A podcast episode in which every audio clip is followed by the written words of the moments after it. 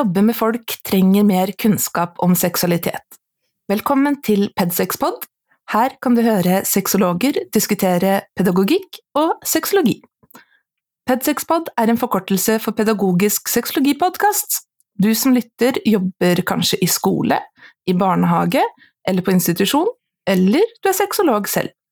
I studio i dag er jeg, Marita Andersen, barnevernspedagog og spesialist i sexologisk rådgivning, Hanne Grasmo, sosiolog, lektor og doktorstipendiat og forfatter av Kjærlighetsboka, en bok for unge om sex. Denne gjengen sitter i pedagogisk utvalg ved Norsk forening for klinisk sexologi. Dagens tittel er Seksualitet i barnevernstjenesten, og vi ønsker i denne episoden å ha særlig fokus på kjønnstilhørighet.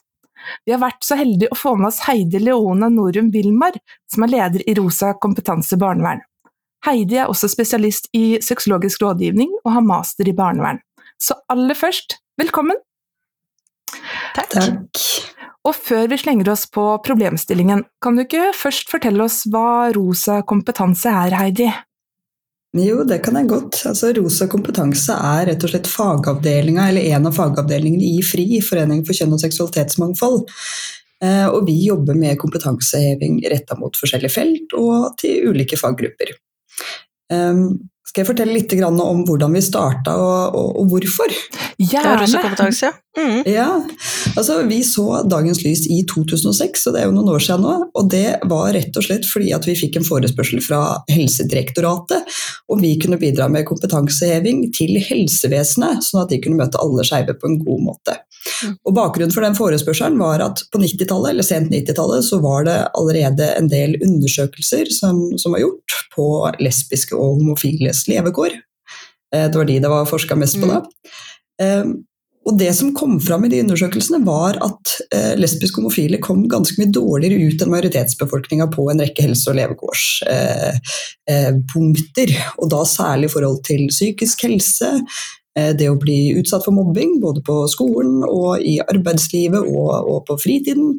Eh, det å bruke rus, eller ha et rusmisbruk, og, og det å oppleve at, eh, at, det ikke var, plass til dem her i verden. Altså det men det oppleve... begynte altså med rosa kompetanse helse, men, men hvor mange mm. forskjellige rosa kompetanser er det nå, da? Ja, skal vi se, Da må jeg telle. Altså, det er rosa kompetanse helse og sosial er fortsatt mm fortsatt det største tiltaket vi har. Og så er det skole, så er det barnehage, så er det justis som jobber med, med politifeltet, og så er det arbeidsliv, og så er det eh, barnehage, og så er det barnevern. Har dere fremdeles noe med religion, eller jeg mener at det var noe med det en stund?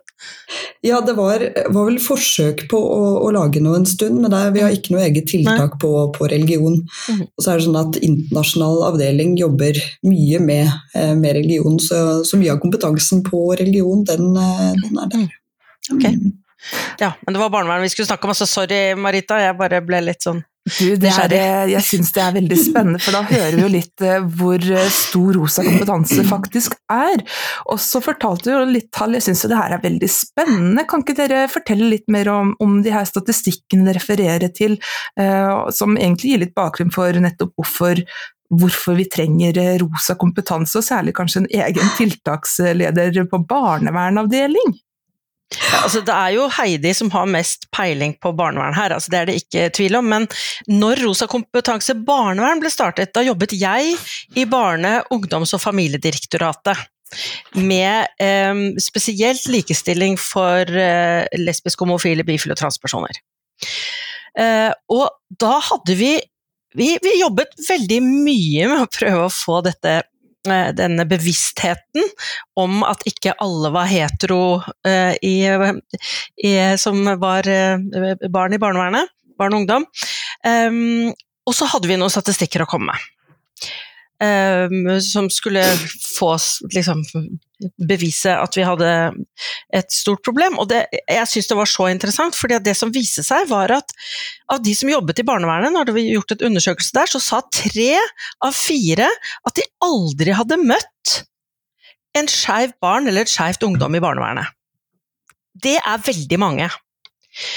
Og så, eh, på den andre siden, så gjorde vi undersøkelser blant ungdom som hadde vært i kontakt med barnevernet, og da viste det seg at det var mange flere av dem, jeg tror det var så mye som én av tre, som definerte seg selv som lesbisk, homofil, bifil, transperson på en eller annen måte. Um, og da var det en veldig stor diskrepans mellom de tingene her. Og, og, og vi, de var også sånn Det var så stor motstand, i hvert fall den gangen. altså Vi snakker nå snart ti år siden, jeg husker ikke når vi startet, eller syv-åtte år siden. 2014-2015. Ja, altså, ja. Mm. Så, mm. så, det var veldig stor motstand også om å spørre ungdom og barn Mm. Om noe som helst! Om, om, om, orientering eller seksualitet eller kjønn eller noen ting. Så hvordan står det til nå da, Heidi? altså, vi har jo noen nyere store helse- og levekårsundersøkelser som viser at det fortsatt er en ganske massiv overrepresentasjon av dårligere helse, eller at en del av disse helse- og levekårsfaktorene altså at de kommer ganske mye dårligere ut. Og det gjelder jo særlig aldersgruppa under 30 år.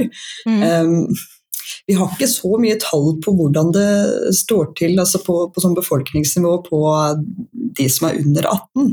Mm. Eh, og Det handler jo om, om, forskning, hvem er det som deltar i spørreundersøkelser mm. osv. Men vi ser at under 30 så er det en ganske massiv overrepresentasjon. Ja, men jeg tenker av, i barnevernet, altså snakker, snakker Snakker dere om uh, kjønn og seksualitet i barnevernet? Altså snakker folk i barnevernet ja, det, er jo det som er interessant. At i 2020 så kom det en stor ny norsk undersøkelse om skeive unge i barnevernet. Skeive barn og unge oh, ja, i møte med ja, barnevernet. Um, og de fikk rett og slett ikke gode nok tall på å kunne si noe om altså, hvor mange er skeive i barnevernet. Det, det, mm. gjorde de ikke. Men de fikk et ganske godt uh, utvalg på uh, altså barnevernsansatte som fortalte noe om sine opplevelser med å møte skeive i barnevernet, og, og, mm. deres egne refleksjoner om uh, altså, hvordan forholder de seg til kjønn og seksualitetsmangfold i barnevernet. Og det som kommer fram der, er jo at det er nesten fortsatt nesten ingen retningslinjer på hvordan man skal ha en inkluderende praksis barnevernet. Um, det er måte, ingen integrerte mangfoldsperspektiver. Um, og at mange sier at de er usikre på hvordan de skal ta det opp. Og at det rett og slett blir litt sånn tilfeldig hvordan praksis de ansatte har. Uh, I stedet for at det er en felles faglig forståelse og felles faglig praksis. For du mm. bruker jo det her ordet inkluderende praksis i barnevernet, for hva, hva betyr egentlig det? Ja, Det er jo et uh, ganske stort spørsmål. Altså, jeg tenker at Inkluderende praksis er det som skal til for å få til likeverdige tjenester. Altså Rett og slett disse trinnene eller denne tilpassinga som, som, skal til for å sørge for at alle barnevernstjenester altså at alle har tilgang til barnevernstjenester av like god kvalitet, og at tjenestene rett og slett er tilpassa til den enkelte. Eh, og I praksis så kan jo det bety at, eh, at vi har et system som, hvor det tas høyde for at folk er forskjellige, at det finnes et mangfold. Eh, og at mangfoldet blir sett på som en, en ressurs, som noe fint. Jeg kan komme med et veldig sånn konkret eksempel med hva vi jobbet med. Sånn helt superkonkret. Vi mm. ville ha inn et spørsmål i inntakssamtalen. Når du kommer, det er krise, du kommer og skal Og, og, da, og da, var liksom svaret fra, fra folk var nei, nei, nei, nei, altså seksualitet og sånne ting, det snakker vi om senere. Nå må vi snakke om det, det problemet som gjelder. Vi, vi, kan ikke drive og spørre. Men vi fikk inn et spørsmål, jeg tror det er nå, og det er um, Forelsker du deg i gutter eller jenter eller begge deler? Eller om det var hvem forelsker du deg i? Altså et eller annet rundt det. Og det var sterk motstand med å få inn bare det spørsmålet. Og vi, jeg følte vi brukte så mye tid på å forklare ja, men for noen ungdom eller barn så er hovedgrunnen til den veldig vanskelige situasjonen de er i, nettopp dette. Altså at de har mm. vanskelig forhold til foreldre pga. det, at de er utagerende pga. at de ikke skjønner hvem de er. Ja, så, så bare sånn å få inn spørsmål i standardsamtaler er jo noe som kan bidra til mer inkludering, tenker jeg da. Ja, og jeg tenker når du snakker om inkludering, jeg er opptatt av dette her med at det skal bli sett på som noe fint. altså At mangfold er noe som, som angår oss alle. altså Det er noe fint. Eh, mm. fordi Jeg husker når jeg jobba i barnevernstjenesten for eh, elleve år siden nå. Eh, så, så, var det et spørsmål om hvem forelsker du deg i, men det var rett etter et spørsmål om eh, har du blitt utsatt for seksuelle overgrep. Oi. Og jeg tenker at Hvis hele, alt som handler om seksualitet i barnevernet er knytta til altså, vonde, negative opplevelser knytta til seksualitet, så blir det også vanskelig å tenke at dette her handler om, om hvem du er som menneske. Dette er en viktig del av, av hele deg, og som du også sier, Hanne, at eh, noen ganger så, så kan jo utfordringer, altså smerteuttrykk, kommer på bakgrunn av at du har en eller annen seksuell orientering som, som du enten eh, strever med å finne ut av sjøl, eller du er usikker på eh, sjøl, eh, eller at du strever med hvordan du enten tror du kommer til å bli møtt, eller hvordan du faktisk blir møtt av andre. Eh, men for andre så er, jo, er også seksualitet eh, noe av det de faktisk er trygge på. Mm. Og det må vi også huske å ha med oss, at for mange så er seksualiteten nettopp kanskje det de har eh, som de er trygge på, det som skaper nettverk, det som skaper eh, altså følelse av stolthet og tilhørighet osv. Så, videre. så det å ha med at, eh, at, seksualiteten er noe positivt, det tenker jeg er mm. kjempeviktig. og at det, at det heller at det spørsmålet skal være ganske tidlig i en sånn kartlegging. Hvordan, hvordan opplever du kjønnet ditt? Eh, hvordan, altså, forelsker du deg? Forelsk, hvem forelsker du deg i? Er det gutter eller jenter? Eller er ikke det så, eh, så, så viktig for deg? Mm. Og jeg tenker jeg blir nysgjerrig, Hanne, når du sier at vi har fått inn. Eh, inn mm. Fordi jeg også har jo jobba i barnevernstjeneste i, i, syv år, og det er jo forskjell på om du jobber i tiltak gjennom Bufetat og får ungdommer inn på institusjon og får standardiserte mm. spørsmål, mens kommunal barnevernstjeneste har jo mm. ikke standardspørsmål på samme måte. Mm. Eh, kan ikke huske å ha sett, i hvert fall i min tid, jeg håper det hadde vært kjempeflott hvis det var der nå, eh, at det var noe standardisert spørsmål for hva vi skal gå igjennom. Nei, dette var statlig og første sånn 'hvor skal vi plassere deg nå'?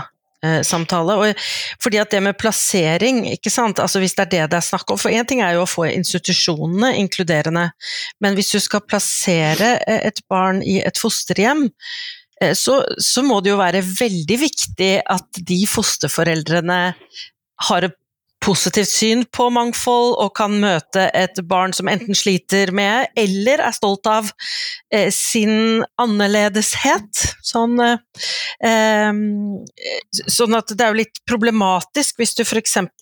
blir da plassert i noen du, Si du kommer fra en veldig kristen familie, og, det, og da blir plassert i et veldig kristent hjem, f.eks., um, som, som, mener homofili er synd, um, så, så, er det jo et problem. Så Derfor er det jo viktig å kartlegge det. Men, men, men også sånn personlig så mener jeg jo det å bare snakke om forelskelse er også egentlig ikke nok. Jeg vet ikke hva du syns, Heidi, men, men fordi eh, for mange, eh, både barn og ungdom, så har de ikke vært så veldig mye forelsket, men de er kåte. De, mm. de, vet hvem de tenner på, de vet hva de fantaserer om, de vet noe om kjønnet sitt. Ikke sant? De vet, Ofte så blir det forelskelse, det er sånn fordi vi skal gjøre liksom den seksualiteten litt sånn riktig. Men, men for mm. mange så har de jo ikke forelsket seg ennå, så de sier nei, det er ikke så farlig.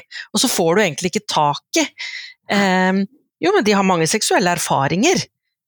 Med folk av samme kjønn eller begge kjønn eller ja, ikke sant. Ja, det kan jo stemme, det. Og jeg er jo også enig i at, eh, at barnevernet burde også snakke mer om, altså om, om, seksuell praksis, om hva de mm. faktisk gjør, hvem de faktisk liker, hva er det de tenner på. Mm. Um, men jeg tenker hvis vi skal gå litt tilbake til altså dette her med inkluderende praksis, jeg tenker at først og fremst så må det til noe for å sørge for at vi finner ut av, eller i hvert fall legge til rette til, uh, for at folk kan få fortelle om hvem de er. Og jeg tenker at Da, da trenger barnevernstjenesten en del kunnskap om skeive liv, rett og slett. Mm. Eh, hvilke barrierer eh, kan finnes? Altså, hva, hva, kan være barrierer for, altså, mot å fortelle, eventuelt, for eh, altså, 14 mm. år gamle uh, ungdommen som mm. er redde for hvordan dette kommer til å bli mottatt. Så jeg tenker at Inkluderende praksis handler både om at, eh, at, man skal ha et godt språk, eh, at det skjemaene skal være tilrettelagt, at spørsmålene man stiller i en kartlegging f.eks. skal inkludere osv. Men jeg tenker du må også ha, den, ha kunnskapen om at det er ikke sånn at, at, uansett om dette her er på plass, så er det ikke sikkert at vi, vi klarer på en måte å finne ut av hvem som er skeive. Og at mm. det også gjør noe med hvilke tiltak er det vi kan ha generelt. at vi sørger for at det er ingen fosterhjem som, som kommer til å diskriminere eh, skeive ungdommer. Mm. Fordi at Vi vet jo aldri om, om ungdommen er skeiv, om det er en, et spedbarn eller om det er en 17-åring som skal, skal, flytte inn.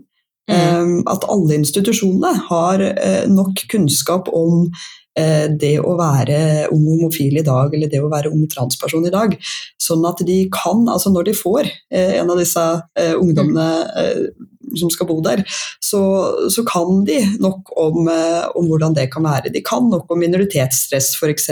til å mm. kunne hjelpe de til å, å, eh, forstå hvordan de kan bli møtt av omgivelsene sine, og hvordan de kan håndtere det osv. Mm. I stedet for at det skal lages altså ekstra, spesielle tiltak for, mm. for de enkelte skeive. Mm, enig.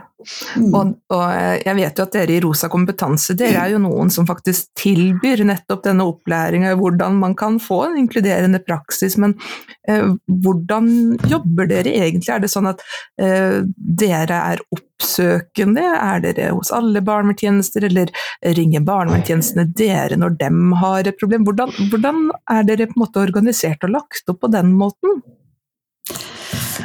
Jeg skulle jo ønske at jeg kunne si at, eh, at, det var et system hvor vi var rundt på alle barnevernstjenester en gang hvert tredje år, eller på alle institusjoner en gang hvert femte år, eller at det var på en måte et system i hvordan vi vi jobba, men eh, si at, altså, vi er en del av noen kommunale mangfold- og inkluderingsplaner som sier noe om at i denne kommunen så skal alle i skoleverket eller alle i barnevernstjenesten eller alle som jobber med, med, barn og unge, skal ha eh, kompetanseheving på dette feltet her.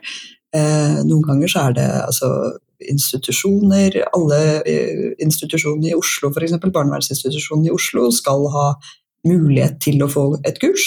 Ehm, det har vært, eh, vært et eksempel. Ehm, men det er nå faktisk sånn at det er eh, hver enkelt tjeneste som, som gjerne tar kontakt med oss og sier at de trenger, eh, trenger kompetanseheving. Um, Bufdir, eh, Barne-, ungdoms- og familiedirektoratet, eh, gjør jo sitt for å sørge for at eh, Barneverns-Norge vet at vi finnes. altså Bl.a. ved å skrive om oss i nyhetsbrev som de sender ut til alle som er påmeldt dette nyhetsbrevet. Vi har også vært med i disponeringsbrev, altså en beskrivelse har vært med i et disponeringsbrev i, i mange år. Eh, og disponeringsbrev er det brevet som sier noe om altså tjenestetilbudet som går ut til etaten, som mm. videre da har ansvar for å, å, å gi den informasjonen videre. Um, men ja, de aller fleste henvendelsene vi får, er fordi at noen har en sak eller en ungdom, mm. eller har opplevd over tid at dette her er noe de ikke har god nok kompetanse på, at dette her er noe de, de har behov for. Um, og så uh, har vi også brukt litt tid på å, å, rett og slett selge oss inn. Altså, når vi ser at vi har ikke vært hos så mange barnevernstjenester i eh, Nordland, så, så, tar jeg gjerne en ringerunde da, til mm. barnevernstjenestene eh, der, og så spør jeg hei, eh, mm. har dere lyst på kurs fra oss? Og så sier jeg hva vi kan tilby. Og det var akkurat det jeg skulle spørre om, så det var bra du sa det. For jeg lurte på, er det sånn at man kan sitte oppe i det nordligste inne i Karasjok og ringe dere, f.eks.? Ja, det er det. Og uh, da prøver vi alt vi kan for å, å få kommet opp til Indre Karasjok og uh, tilby det den barnevernstjenesten trenger. Mm. Men jeg tenker litt på de, de voksne i barnevernet, for du, du, snakket om Bufdir. altså før så, Jeg vet ikke hvordan det er med denne handlingsplanen, men når det var eh, handlingsplan for LHBT eh, husker ikke hva den heter. Men, men, da tok jo direktøren samtale med hver enkelt leder, hvor dette var inkludert, og hvor de spurte hva gjør dere, hva har dere gjort, har dere blitt bedre siden sist? Mm. Og jeg tenker på, Det dreier seg også om de voksne. ikke sant? Altså Du snakker om ja, man må vite om mangfold, men det er jo 100% sikkert et mangfold blant de ansatte ja. i barnevernstjenestene, ikke sant? Mm. På, på, alle nivåer. Og hva gjør man med det? Det er, det er, jo en historie som jeg vet Rosa kompetanse pleide å fortelle før forrige, den første lederen. Um, og det er liksom Hun, hun, var, hun ble, var, visste at hun var skeiv som voksen, men det var liksom ikke noe åpenhet. Man skulle ikke snakke om seg selv, man skulle liksom skjule seg selv. Og så mm. var det en jente sånn 14-15 år som lå og gråt i sengen på en institusjon. Og fortalte da at hun var lesbisk. Og, og, hun prøvde jo da veldig å ta vare på og snakke med oss, så sier hun til slutt, til slutt så, så, så, så, sier denne jenta som da har sluttet å gråte og har fortalt, da kommet ut Hvordan tror du det er for meg når du går og skjuler at du er lesbisk hele tiden, Mm. hva tror du det sier til meg? Og det er grunnen til at jeg ikke har kommet ut til deg før. Mm. For de hadde kjent hverandre en stund, og det er fordi jeg ser at du skammer deg over hvem du er. Det var sånn, ikke sant? Og dette her er sånn, hva skal den voksne altså, Hvem skal den voksne være her, ikke sant? Mm. Og det der er veldig spennende, for jeg har også hørt om eh, skeive saksbehandlere eh, som på en måte eh, hvor ledere eller foreldre også frykter at eh, saksbehandler sin legning skal smitte over på noe vis på, på ungdommen. At oi, ja, men da kanskje du introduserer eh, Akkurat som om det skulle vært en religion som man har veldig tro på, eller andre ting. At, eh, det, da blir vi veldig redde for at eh, Um, at da får vi ungdommer som også blir skeive, hvis vi har ansatte som er åpne og stolte av det. Ja, ikke sant. Og der, der kommer det jo Det er mye, ja, mye fordommer og, og mye frykt, eh, og det, det kan jo finnes rundt omkring, det. Og, og, og en annen frykt som jeg tenkte på, jeg tenkte på også det i sted, fordi at når du da spør en ungdom, eller liksom prøver å ta opp dette med, med, med, liksom, med, hvem, hvem, hvilket kjønn er du, eller hvem, hvem faller du for, eller sånn, så det jeg hører oftest, altså det gjelder barnevernsansatte jeg har jobbet der, men også blant lærere og helsesøstre, er at de sier ja, men hva om den, den ungdommen eller barnet blir støtt? Og liksom, Mm. så sier de liksom ja, tror du jeg ikke er hetero, eller? Mm. Og, og så, så tenker jeg det er en fantastisk fin anledning Mm. til å- også Hvis den ungdommen er hetero, eller det kan jo hende den ikke er det, som du sier, det er mange grunner til at du vil, vil si det, til å jobbe mot homofobi, og jobbe Mm. mot transfobi. Fordi da har du faktisk en anledning til å snakke om mangfold Mm. med en som kanskje var hetero, og så heller ser det som en mulighet, istedenfor at man er så redd. Ja, men jeg kan jo ikke spørre, tenk om jeg har feil? Liksom. Eller, eller tenk om de føler seg støtt av at jeg spør. Ja, men hvis de gjør det, så trenger du den samtalen, ikke sant? Men da er spørsmålet om de føler seg trygge nok, da, som du sa i sted, Heidi. Ja, og jeg er jo helt enig, og jeg, noe av det jeg er opptatt av å si, er jo at mangfold handler om oss alle. Eh, Vi er alle en del av dette mangfoldet. Vi forholder oss alle til folk som bryter med normer i livet vårt på en eller annen måte, selv om det ikke gjelder oss selv. Um, og jeg tenker jo at uh, selv om vi primært i, når vi er ute og holder kurs, altså har et fokus på den jobben fagpersonene skal gjøre, um, det, er, det er oppgaven vår, det er fokuset mitt når jeg er ute og holder kurs, så har jo det en veldig sterk overføringsverdi altså til hvordan er det dere møter hverandre. Og vi har jo også en del refleksjon, altså refleksjon med de ansatte eh, om hvilke normer finnes det på arbeidsplassen Mm. knytta til kjønn og seksualitet. Hva er det dere snakker om, hva er det dere ikke snakker om? Hvorfor gjør dere ikke det? Hvilke normbrudd blir reagert på, hva blir ikke reagert på? Og hvordan påvirker altså de normene dere har internt, hvordan dere møter normbrudd eksternt? Ja. Jeg tenker at Den type refleksjoner gjør jo at man er nødt til å forholde seg til eh, dette her i en større kontekst, annet enn akkurat det møtet med en ungdom, Mm. eller med et barn. Da. Mm. For eh, hvilke tilbakemeldinger får dere fra barnevernstjenesten etter at dere har hatt sånne opplæring- og refleksjonsrunder? Altså, stort sett så er folk veldig fornøyde.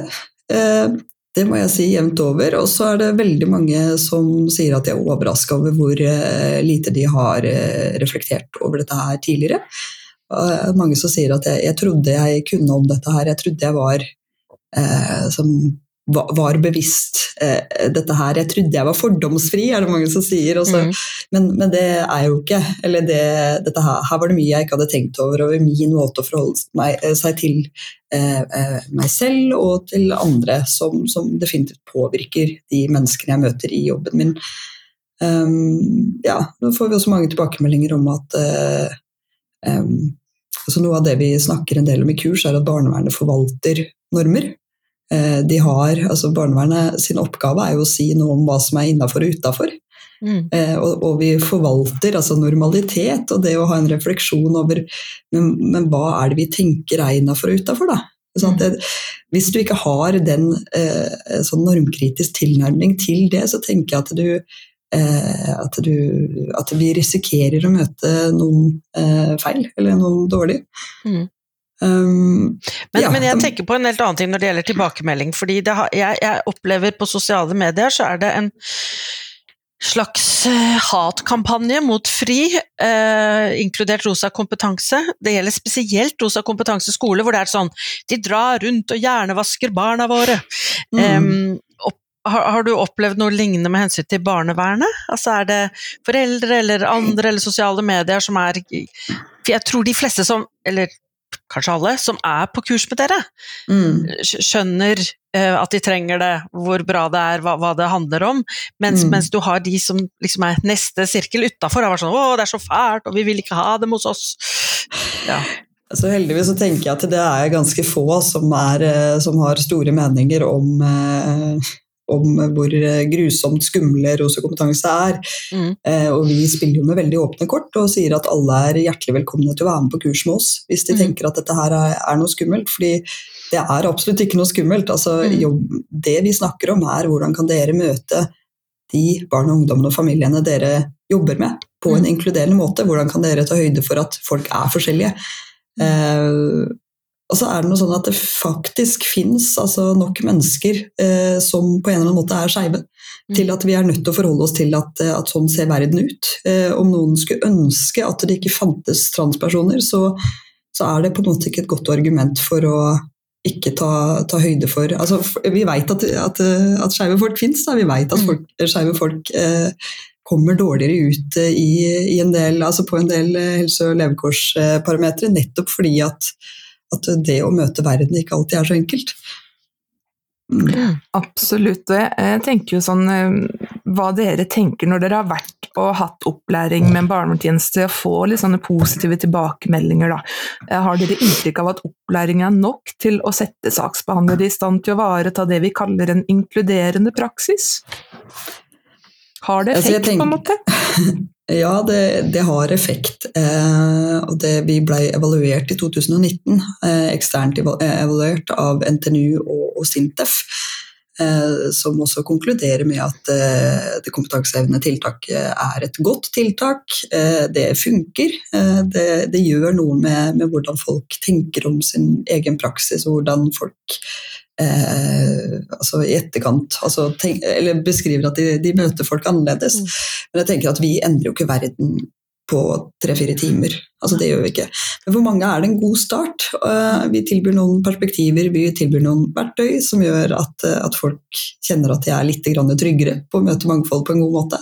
Og jeg tenker at Tryggheten er så utrolig viktig, fordi som du Hanne snakka om i stad, men tør vi å, å, ta de samtalene om seksuell praksis, om hva folk tenner på, mm. hvem de liker osv. Og, så og så tenker jeg, Det er vel kanskje noe av utfordringa. Mm. At vi som barneverns... Nå, nå ble jeg kanskje litt eh, ja, nå, nå kommer jeg med en påstand. Nei, jeg tenker at vi som barnevernspedagoger eller vi som barnevernsansatte vi har kanskje ikke et godt språk for kjønn og seksualitet som ikke handler om våre egne private opplevelser. Mm. Vi har, altså, vi har et godt språk for å snakke om vold og overgrep. Og det mm. handler ikke om min eventuelle erfaring med vold og overgrep. Vi har et mm. godt språk for å snakke om oppvekst og eh, det å være forelder osv. Som ikke nødvendigvis er kobla til hvem jeg er som forelder eller min mm. oppvekst. Det handler om å ha et fagspråk for noe. Men jeg tenker at det har vi ikke på seksualitet nødvendigvis. da. Nei, og jeg tror det også dreier seg om trening. altså Man må trene seg litt på sammen med andre voksne, eh, og gjerne andre barnevernsansatte. ikke sant? og, og, og og snakke om det på en ikke-privat måte. Ja. Eh, altså, fordi at det er også noe med liksom Hvis det er første gang du har samtale ja. om seksualitet, så, så, blir det ofte litt kleint, da. Ja, fordi det er noe sånn at hvis, hvis, vi opplever at vi ikke kan noe eller er gode nok på noe, så unngår vi også å ta det opp i profesjonelle samtaler, fordi vi har lyst til å opptre profesjonelt. Vi har lyst ja. til å bli sett på som kompetente.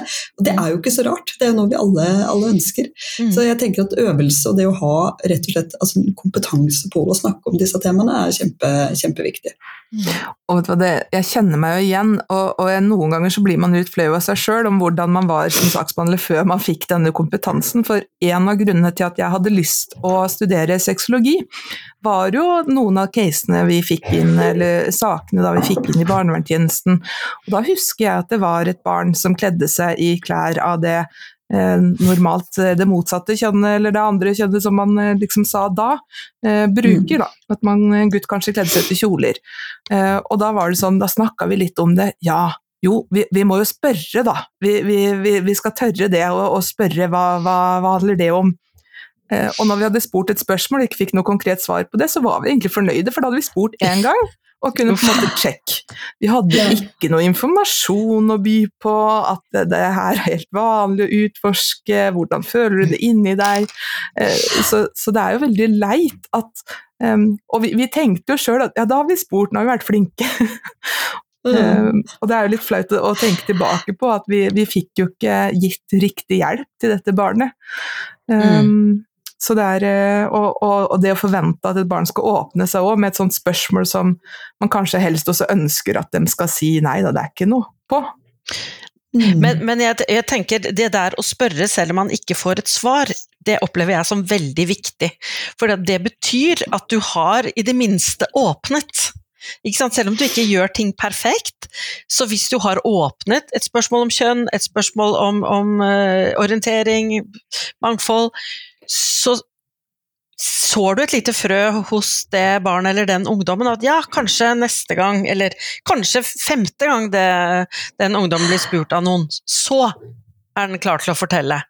Men bare det at du i hvert fall viser at det er et tema, da har du mm. allerede gjort litt mer enn ingenting, og, ganske mye mer, tenker jeg da. Og det er godt du sier, Hanne. Det hjelper eh, på, på samvittigheten. Men, men, jeg har et annet spørsmål, hvis vi har tid, eh, Marita, som, som egentlig går fordi at For noen år siden så var det en kampanje for å få flere mangfoldige familier, spesielt skeive familier, til å bli mm. fosterfamilier. Mm. Og, og, det lurer jeg litt på. ikke sant? Altså, Hvor mange sammekjønnsfamilier er det? Eh, er, er, vet du om transfolk? Eh, og, og, jeg vet også at det har blitt spurt et spørsmål nylig om polifamilier kan bli eh, fosterfamilier. Lurer, mm. Vet du noe om dette? Ja, det var gode, gode spørsmål. Altså, det er noe jeg har etterspurt flere ganger. Og det, det fins ikke det, det, er ikke noe register, det er ikke noe gode tall på, på hvor mange av disse familiene finnes tilgjengelig. Eh, For igjen, man tør ikke å spørre, ikke sant? Man tør ikke å spørre. Jo, det er akkurat det, det spørres om i forhold til, okay. til fosterfamilie. Der går man ganske i dybden på altså, hvordan, hvordan, ser familien ut, eh, eh, hvem har dere i nettverket ditt osv. Jeg er ikke sikker på hvor mange polifamilier som altså tør å fortelle om seg selv, det, det veit jeg ikke. Det er bare, igjen bare noen tanker fra meg. Mm. Uh, vi veit jo at, at, det finnes poli, polifolk som er fosterforeldre, men hvor åpne de er i forhold til barnevernstjenesten, det, det, har jeg ikke noe Det veit jeg ikke. Jeg you um, men ja, det, jeg kan jo si at det vi får tilbakemeldinger om, er at det er flere og flere skeive eh, familier som melder seg som fosterhjem. Og vi vet jo også at både Bufetat og Barne- og familieetaten i Oslo har hatt kampanjer altså hvor de helt aktivt går ut og sier vi ønsker oss et mangfold av familier, hvor de er gode på å vise det mangfoldet gjennom eh, bildene de bruker, gjennom filmer de har på YouTube om hva det vil si å være fosterfamilier. Det er jo noe med at det er mange måter å, å, inkl altså, å inkludere gjennom mm. hvilke bilder man bruker, hvilket språk vi bruker, hvilke eksempler vi kommer med, hvordan skjemaer er utforma osv. Og, så og det påvirker også de ansatte, tenker jeg da. Absolutt. Mm. Mm. Og det kommunale barnevernstjeneste, eh, vi, jo, eh, vi, får jo tilbud fra det statlige barnevernet som godkjenner familier, som, som, vi da kan møte for å se om det kan være en god match med barnet og, og fosterfamilien. Og så er det kommunalt barnevernstjenesten, altså saksbehandleren som kjenner barnet som skal plasseres, og familien som på en måte tar en avgjørelse om det her kan bli en, en bra match. Da. Uh, og, og, det mm. man tenker på, selvfølgelig, da, har du et, uh, en fosterfamilie som er skeiv, uh, så kan man jo også tenke på en match. På, og da tenker jeg noen ganger at selvfølgelig er det barn vi skal ha i fokus, men hvis vi vet at vi har foreldre som vil steile på det og, jobbe kjempe imot, for det vi ønsker er jo å få til et godt samarbeid, også mellom biologiske foreldre og foster, fosterhjem. og det er mye mm. man kan selvfølgelig jobbe med å veilede på, eh, og man kan mm. prøve i forkant, men vi er nødt til å matche litt eh, og jobbe mm. sammen, tenker jeg. I hvert fall prøve. Um, ja. Så selvfølgelig Ja. Ja, og så tenker jo jeg altså Selvfølgelig, det er noe man skal vurdere, men jeg tror ikke vi bare skal konkludere med at derfor kan ikke denne skeive familien være aktuell. fordi at altså, Jeg har også jobba med, med, fosterhjem tidligere og, og, har mange samtaler med, med folk som jobber med, med fosterhjemsplasseringer. Eh, og altså, foreldre som mister omsorgen for barna sine, og barna skal flytte inn i et nytt hjem, vil veldig ofte, kanskje nesten stort sett alltid, ønske å ha et eller annet å ta, de, altså ta fosterfamilien på. Nettopp fordi at det er så utrolig sårt å se at barnet ditt eh, får en bedre, tryggere, mer stabil omsorg fra noen andre. Så jeg tenker At de da er skeive, det kan være liksom det som blir pirka på. At de er en annerledesfamilie. Og jeg tenker at Det er så viktig at barnevernstjenesten eller saksbehandlerne som skal gjøre disse vurderingene og, og bestemme hvilke familier det skal plasseres hos, altså også reflektere rundt hvordan er det de presenterer denne familien. Mm. Hvilke ressurser ser de i denne familien? Hva er det spesielt de kan tilby dette barnet som, som kan være eh, kjempegodt for det barnet? Eh, noe jeg pleier å si er at altså, Skeive fosterfamilier kan jo også ha en særlig kompetanse på nettopp det å være annerledes. Og det å vokse opp i et fosterhjem det er jo en form for annerledeshet eller en form for mm. normbrudd som det kan være at den fosterfamilien har ekstra kompetanse på å både kunne forstå og, og bidra til å, at, at, barnet ser på som, som noe fint også. Da. Det å ha en, en større familie f.eks., og at de har eh, men, men, men selvfølgelig, altså det, det, må tas vurderinger i hver enkelt sak. Men jeg tenker at vi skal ikke konkludere så fort som det ofte gjøres, da. Det er jeg veldig glad for at du sier, og jeg er helt enig, det er barnets beste som skal være styringen for alt, og barnets beste er å få god omsorg i et stabilt og trygt hjem, uh, uavhengig av om det er to mammaer eller pappaer eller en transperson. Uh, og det vet man jo, transpersoner det er jo, de har jo ikke dårligere psykisk helse enn andre i befolkningen så lenge de uh, blir møtt som alle andre. Det jo, så det er jo ikke noe, noe sykdom, det er jo snarere kan være en ressurs, ikke sant, med det å, å, kunne møte utfordringer og ha masse erfaring på det, og kanskje falle utenfor normen og Ja, mm. absolutt. For jeg tenker jo hvilke, hvilke fortellinger er det egentlig barnevernstjenestene forteller om? Hvilke utfordringer eh, møter dem eh, i tjenesten, da? Altså, hvilke, hvilke saker de, de, har, tenker du på, eller? Eller om, ja, om er, transpersoner, eller? Jeg tenker litt sånn vidt er det det For eksempel noen ganger så kan man jo oppleve at det er én ansatt i barnevernstjenesten som er veldig for å f.eks. leie inn rosekompetanse. Noen møter eh, ungdom som man ikke vet hvordan man skal prate med. Eh, man hører mm. der 'å, nå er det smittsomt, nå skal alle på skolen være LHBT-personer' eller kanskje også ledelser som ikke ønsker å invitere eller bruke tid på rosa kompetanse og leie inn. Eh, hva, hva mm. hører dere egentlig rører seg i feltet? Er det på en måte sånn organisasjonsutfordringer, eller er det eh, mangel på kunnskap, tid, penger? Hvor, hvor eh, trykker skoen? Ja, ikke sant. Nei, vet du hva jeg vil si? Eh, ja. Eh, alt. Eh, altså, alle de eksemplene du kommer med, har jeg hørt. Eh, jeg tror nok at eh, altså, Først og fremst så må jeg si at det gjøres mye godt arbeid med skeive barn, unge og familier uten at folk har spisskompetanse også. Altså, det finnes jo mange eh, enkeltpersoner og, og, mange tjenester som, som er gode på dette her. Eh, fordi at de har funnet noen gode måter å, å gjøre det på. Eh, det jeg er opptatt av, er jo at det ikke skal være så tilfeldig, og at det ikke skal være opp til den ene skeive i barnevernstjenesten å si at vi trenger å kunne noe om, om skeives liv for å kunne ivareta eh, den skeive befolkninga som vi møter på en god måte. Um, jeg tenker jo at kanskje Hovedproblemet er at, at kjønn og seksualitet generelt ikke er en del av, av faget vårt. da. Ja, eh, der mm. er clouet, Heidi. Fordi, eh, fordi, dette er jo noe som jeg, vi har snakket om før, altså dette med utdanning for mm. folk som jobber med folk. Altså, og da at det skal være en del av utdanningen, ikke et sånt lite ekstrakurs man får etterpå. Dette, dette er jo det som det virkelig, virkelig må gjøres noe med. Og, og, og, også når du snakker om, om, seksualitet, så er det liksom sånn Jeg opplever at den letteste måten å komme inn i offentlig tjeneste hvis du skal ha et kurs, er hvis du skal snakke om vold og overgrep. Altså mm. seksualitet, du nevnte det også i sted. Altså, det kan vi lære noe om, for, for det er jo så viktig. Men hvis vi skal snakke om ting som kan være ressurser, skal være positivt altså, ja, men Det har vi ikke tid til. Det er så mye som brenner, så mm. vi kan ikke snakke om de tingene som liksom er litt mer sånn wishy-washy. Mm. Det, det, det, blir borte, for det er så mye som haster. Og da er det vold som, som de har tid til å, å, få kompetanse på, og kanskje ikke seksualitet. Ja, det blir en sånn utfordring med å se hele mennesket og ha et, eh, et helhetsperspektiv når, eh, altså når, det er lite ressurser og det, og det brenner, og mm. det er noe som, som er tydelig, den store utfordringa. Mm. Men, men, hvem har ansvaret her? Jeg blir litt sånn opptatt av det, for vi sier jo mye her burde vi ha det, og sånn skulle det være. Vi skulle hatt uh, en sånn tydeligere ramme på besøk i barnevernstjenesten så og så ofte. Er det den kom enkelte kommunale barnevernstjenesten eller kommunen? Er det statlig barnevernet? Er det undervisningsplattformen? Altså, hvor ligger ansvaret for inkluderende praksis? Ja, altså jeg må jo når det kommer til stykket, så blir det jo altså det møtet mellom den enkelte ansatte og, og den de møter, som, som, på en måte blir det gjeldende. Men jeg opplever jo at altså det, det, er veldig sjelden jeg opplever at folk har dårlige holdninger av de som jobber i barnevernet. Altså jeg må jo si at Barnevernsansatte er skikkelig bra folk generelt, som, som ønsker å gjøre godt og som har altså, mye raushet for andre mennesker.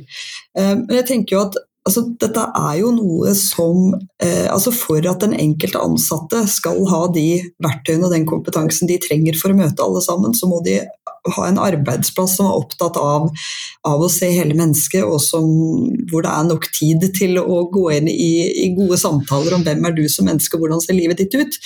For å få til det, så må vi ha en etat som legger til rette for det, og et eh, direktorat som er opptatt av altså, den kompetansen. Jeg tenker, men, men, ja. mm? Nei, jeg, altså jeg vil bare gå tilbake igjen til det du sa nesten helt i begynnelsen, altså, mm. uh, Heidi.